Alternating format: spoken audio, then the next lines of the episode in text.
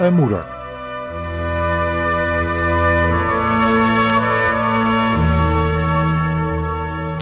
Welkom luisteraar in onze serie programma's van de Stichting Adulam over huwelijk en gezin, oftewel gezin naar Gods plan.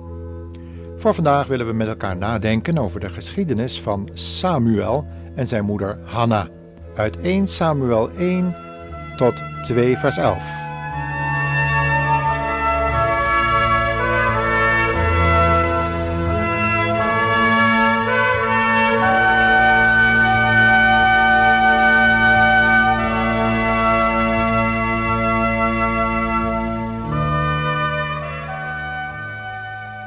Bijbel is een boek, luisteraar, dat in elke denkbare situatie de aandachtige en oprechtige lezer een bevredigend en troostvol antwoord geeft. De apostel Paulus schrijft aan de jonge, enigszins ontmoedigde Timotheus dat de schrift van God ingegeven, geïnspireerd dus, en niet alleen nuttig is tot lering, maar ook allerlei verstandelijke argumenten toetst en verbetert. De Bijbel geeft onderwijs hoe wij werkelijk rechtvaardig voor God en mensen kunnen wandelen.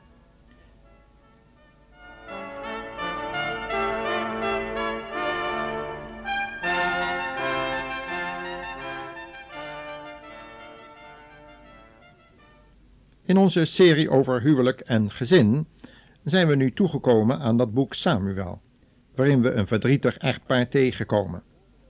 De vrouw uit het verhaal spreekt een woordeloos gebed uit en ontvangt Gods troostvolle antwoord tijdens de eredienst.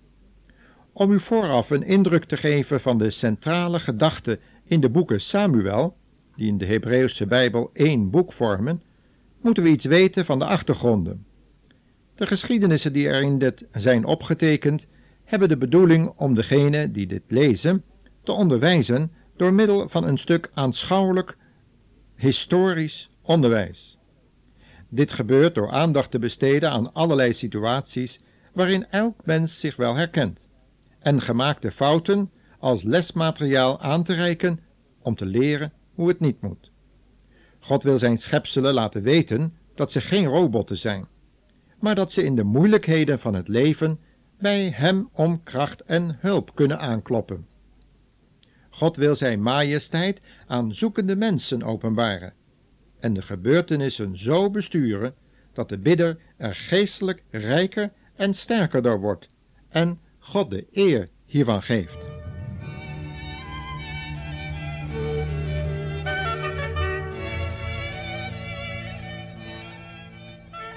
Laten we nu eens lezen wat er in het leven van Elkana en zijn beide vrouwen misgegaan was. Hopelijk leren wij door hun fouten en ontvangen we troost in onze situatie. Wij lezen hun geschiedenis dus in 1 Samuel 1, vers 3 tot 17. En terwijl u dit opzoekt, laten wij een toepasselijk lied horen.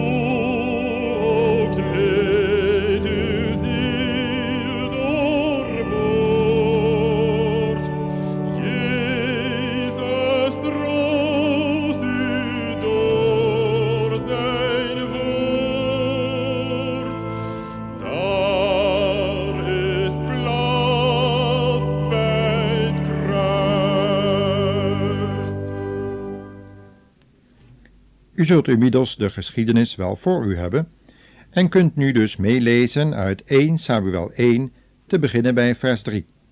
We lezen uit de vertaling van het boek.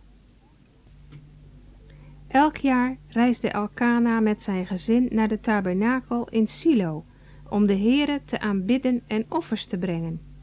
De dienstdoende priesters daar waren Hofni en Pinehas, de zonen van Eli. Op de dag dat hij zijn offer bracht, gaf Elkana daarvan enkele delen aan Peninna en haar kinderen. Maar Hanna gaf hij tweemaal zoveel, omdat hij erg veel van haar hield, ondanks haar kinderloosheid. Peninna maakte het leven nog moeilijker door haar voortdurend te treiteren met haar onvruchtbaarheid. Zo ging het elk jaar wanneer Elkana op reis ging. Telkens lachte Peninna haar uit en plaagde haar onderweg. Dat maakte Hanna dan zo overstuur dat zij begon te huilen en geen hap door haar keel kon krijgen. Wat is er toch, Hanna? riep Elkana dan. Waarom eet je niets en heb je zo'n verdriet? Ben ik je niet meer waard dan tien zonen?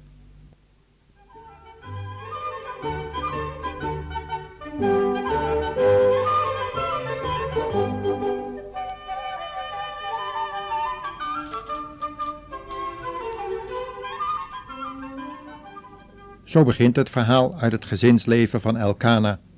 En het zou het verhaal van velen kunnen zijn. Een verhaal van liefde en teleurstelling, plagerijen en godsdienstige vormen. In andere uitzendingen bespraken we al het verdriet wat onvruchtbaarheid meebrengt in een huwelijk. Hier gaat het om een gezinsverhouding die gekenmerkt wordt door jaloezie, omdat de echtgenoot er nu eenmaal twee vrouwen op nahield. God heeft deze verhouding nooit goedgekeurd, maar we weten dat het zelfs onder christenen kan voorkomen, dat een man aan één vrouw niet genoeg heeft en er heimelijk of meer openbaar anderen op nahoudt. Steeds weer geeft dit problemen in het gezinsverband en de huwelijksverhouding. Iedereen die hiermee te maken heeft, zal dat moeten erkennen, zeker in het pastoraat.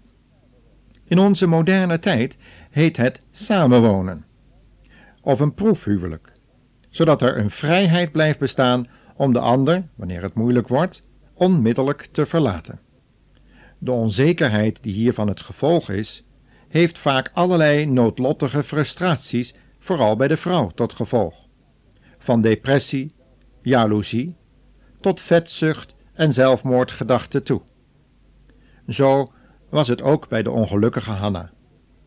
Onder de voortdurende plagerijen van haar tegenpartij zocht ze een uitweg in het huis van God, de toenmalige tabernakel, waar de eredienst gehouden werd.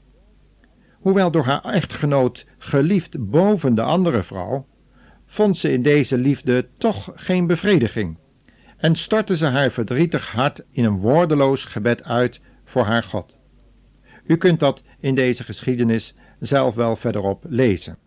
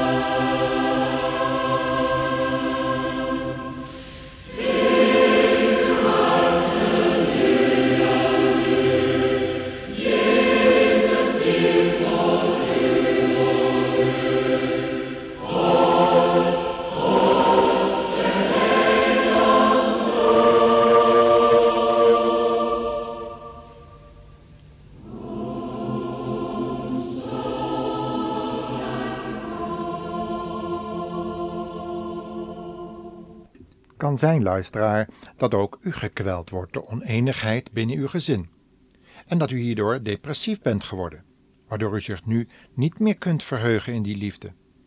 Elk huwelijk kent zo'n crisisperiode. En het komt er maar op aan hoe we hiermee omgaan. Beginnen we de huwelijkspartner verwijten te maken en naar andere mogelijkheden om te zien, zodat onze natuurlijke behoeften op een andere manier worden bevredigd?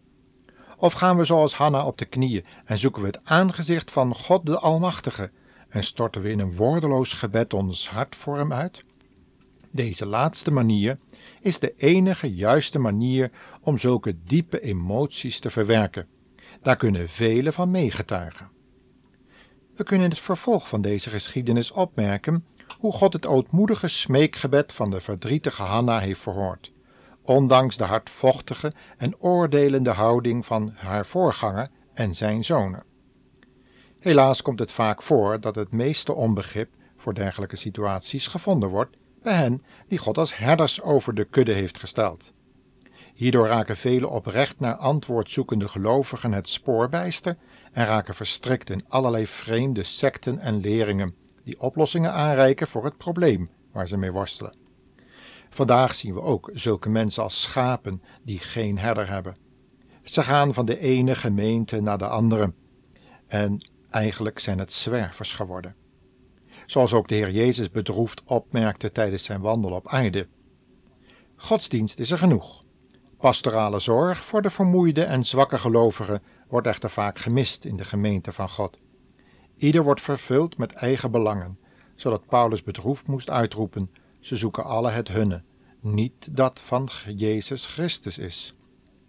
Andere voorgangers worden rijk van de gaven die binnenstromen, al of niet vanwege hun wonderbaarlijke zielenkrachten, de tekenen en wonderen die er door hun handen verricht worden. Maar achter de schermen wordt er een geestelijke strijd gestreden, die echter alleen in de kracht van de Heilige Geest gewonnen kan worden. Een strijd die op de knieën in de stilte wordt uitgevochten, zoals Hanna deed, door hen die dat door al dat uiterlijke heen prikken. Ja, we moeten niet naar het wonderbaarlijke kijken, maar ons hart openstellen voor Gods liefde en voor Gods troost.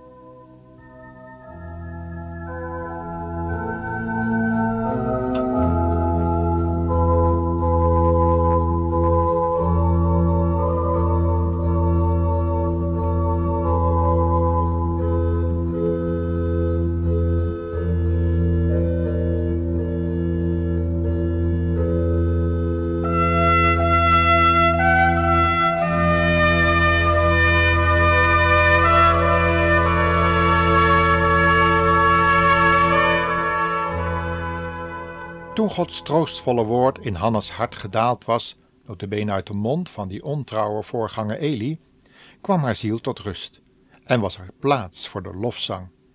Veel uit deze lofzang komen we tegen in de liederen van twee andere bekende vrouwen, Maria, de moeder van Jezus, en Elisabeth, de moeder van Johannes de Doper. Beide vrouwen wisten wat het was om vernederd te worden onder de krachtige hand van God, maar ze werden op Gods tijd weer verhoogd zodat velen hun namen op de lippen hebben.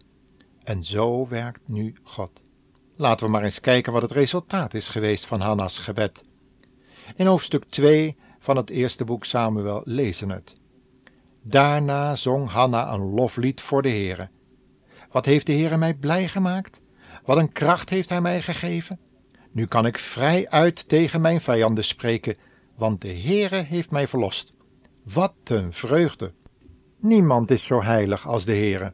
Er is geen andere God, geen andere rots dan onze God. Wees niet langer trots en zelf ingenomen.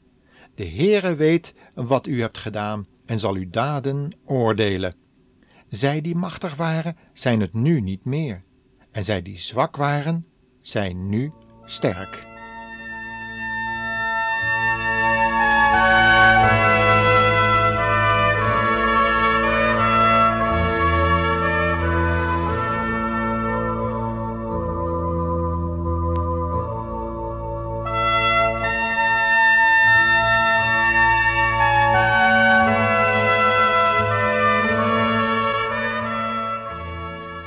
Zo spreekt die vroeger zo verdrietige en ontmoedigde Hanna.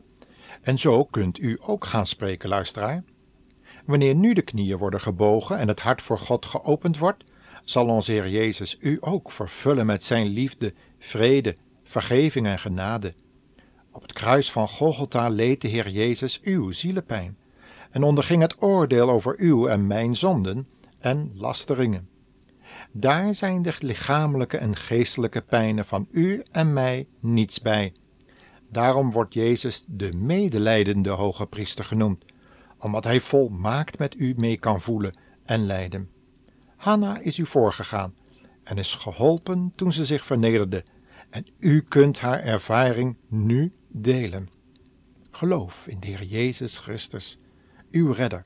Neem hem aan als uw heiland en Heer, en hij zal in het vervolg u door al de moeilijkheden van dit leven heen helpen, zoals hij Hanna heeft gedaan. Hij heeft beloofd dat hij niet één oprecht gebed zal afwijzen.